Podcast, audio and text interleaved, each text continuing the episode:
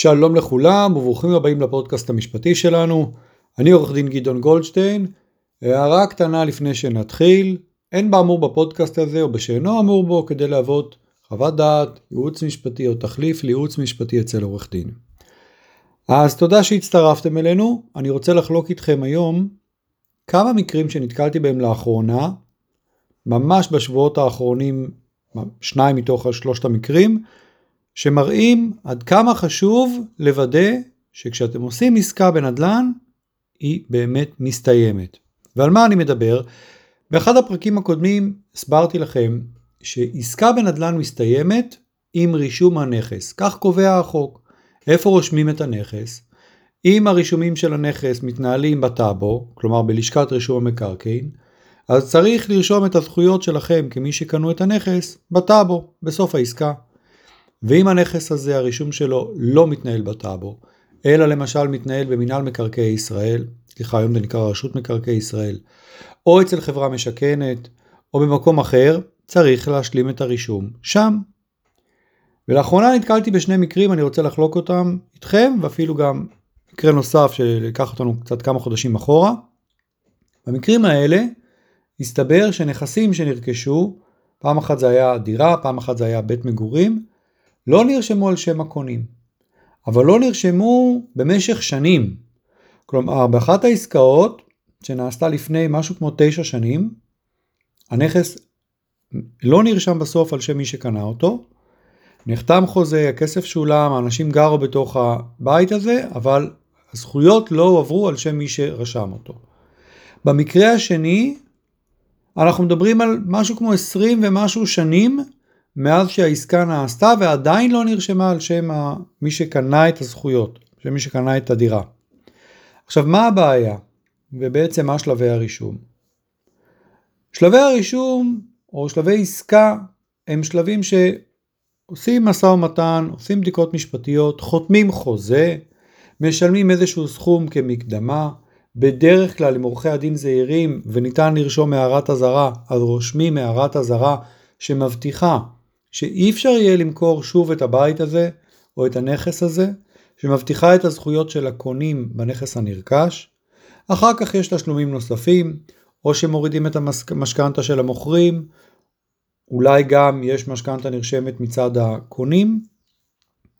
מסיימים את התשלומים, מקבלים מפתחות לדירה, מקבלים מפתחות לנכס, מקבלים חזקה בנכס, נכנסים וגרים. זה לא אומר שהעסקה הושלמה, נכון הכסף שולם, נכון החוזה נחתם, נכון אולי אפילו רשמנו הערה אזהרה או הערה אחרת בדבר הזכויות שנרכשו, אבל העסקה לא הסתיימה. העסקה תסתיים אך ורק ברישום הנכס בטאבו ברשות מקרקעי ישראל או איפה שהרישום הזה מתנהל. ומה הבעיה? בשניים מתוך המקרים, יש גם מקרה שלישי, תכף אני אספר גם עליו, אבל בשניים מתוך המקרים מתי הנושא הזה התגלה? כשרצו לעשות מכירה של הנכס. באו אנשים שקנו את הנכס לפני שנים ורצו למכור אותו. ואז גילו, בעצם מי שגילה את זה זה עורכי הדין שלה, שמטפלים עכשיו בעסקה גם מצד המוכרים וגם מצד הקונים. גילו שהנכס לא רשום על שם מי שרוצה למכור אותו. בעצם הזכויות לא הועברו במשך שנים. וזה תוקע את העסקה. למה? קודם כל כי צריך מישהו שיהיה מוכן לקחת סיכון כיום ולקנות נכס שלא נרשם על שם מוכרים.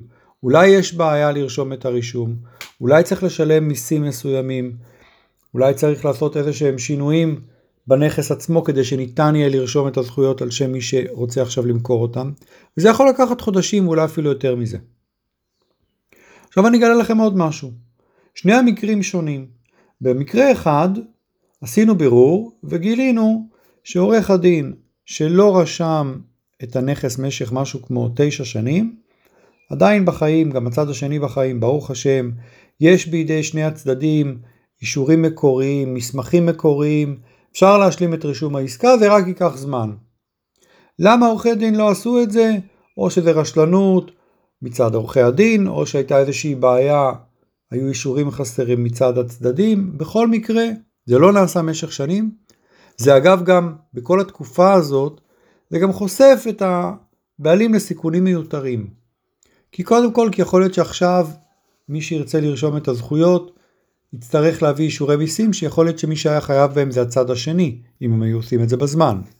כי בכל זאת הערת אזהרה היא רק הערת אזהרה, היא לא רישום בעלות כמו שצריך.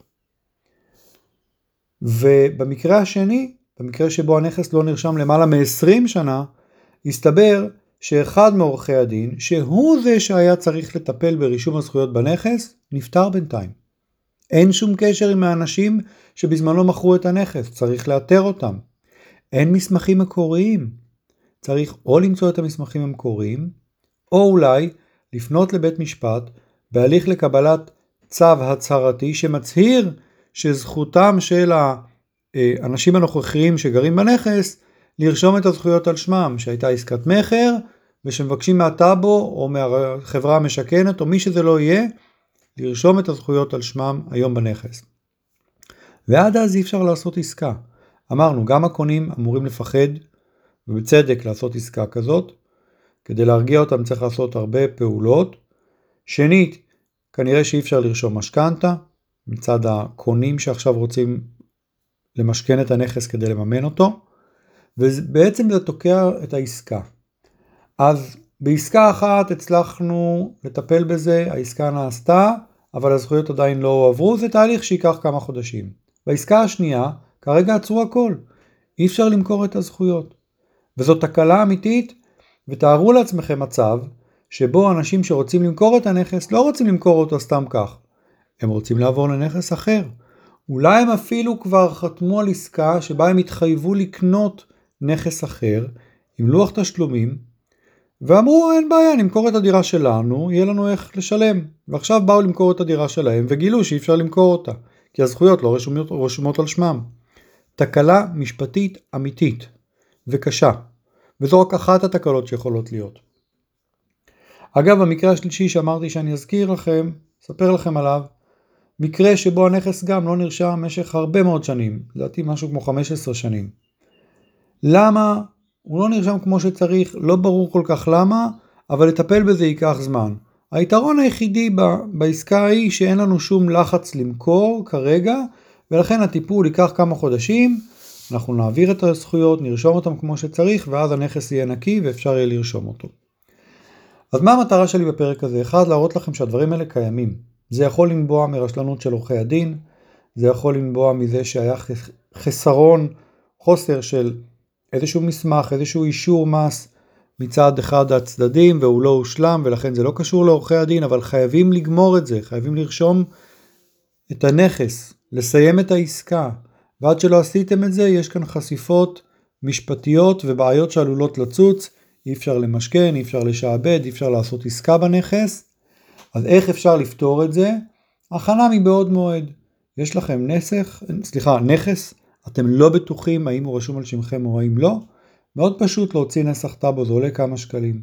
מאוד פשוט לפנות לרשות מקרקעי ישראל ולקבל אישורי זכויות. אפשר לפנות לחברה המשכנת אם זו חברה שעדיין הנכס רשום בחברה המשכנת ולבקש הצהרה שהנכס רשום על שמכם, אישור זכויות עדכני. ואז אם אתם מוציאים נסח טאבו, אישורי זכויות כאלה ואחרים, בודקים ורואים שזה לא רשום, לא רשום כמו שצריך, תפנו לעורך דין עוד היום ותטפלו בזה. ככה תמנעו מעצמכם צרות ותכינו את הנכס וזה יאפשר לכם לשלוט בסיטואציה כי ככל שהזמן עובר יהיה יותר קשה לטפל בזה, אולי אפילו, אולי אפילו בלתי אפשרי.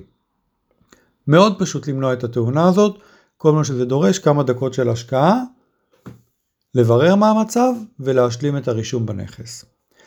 עד כאן להפעם אני עורך דין גדעון גולדשטיין, תודה שהצטרפתם ואני מקווה שנהניתם.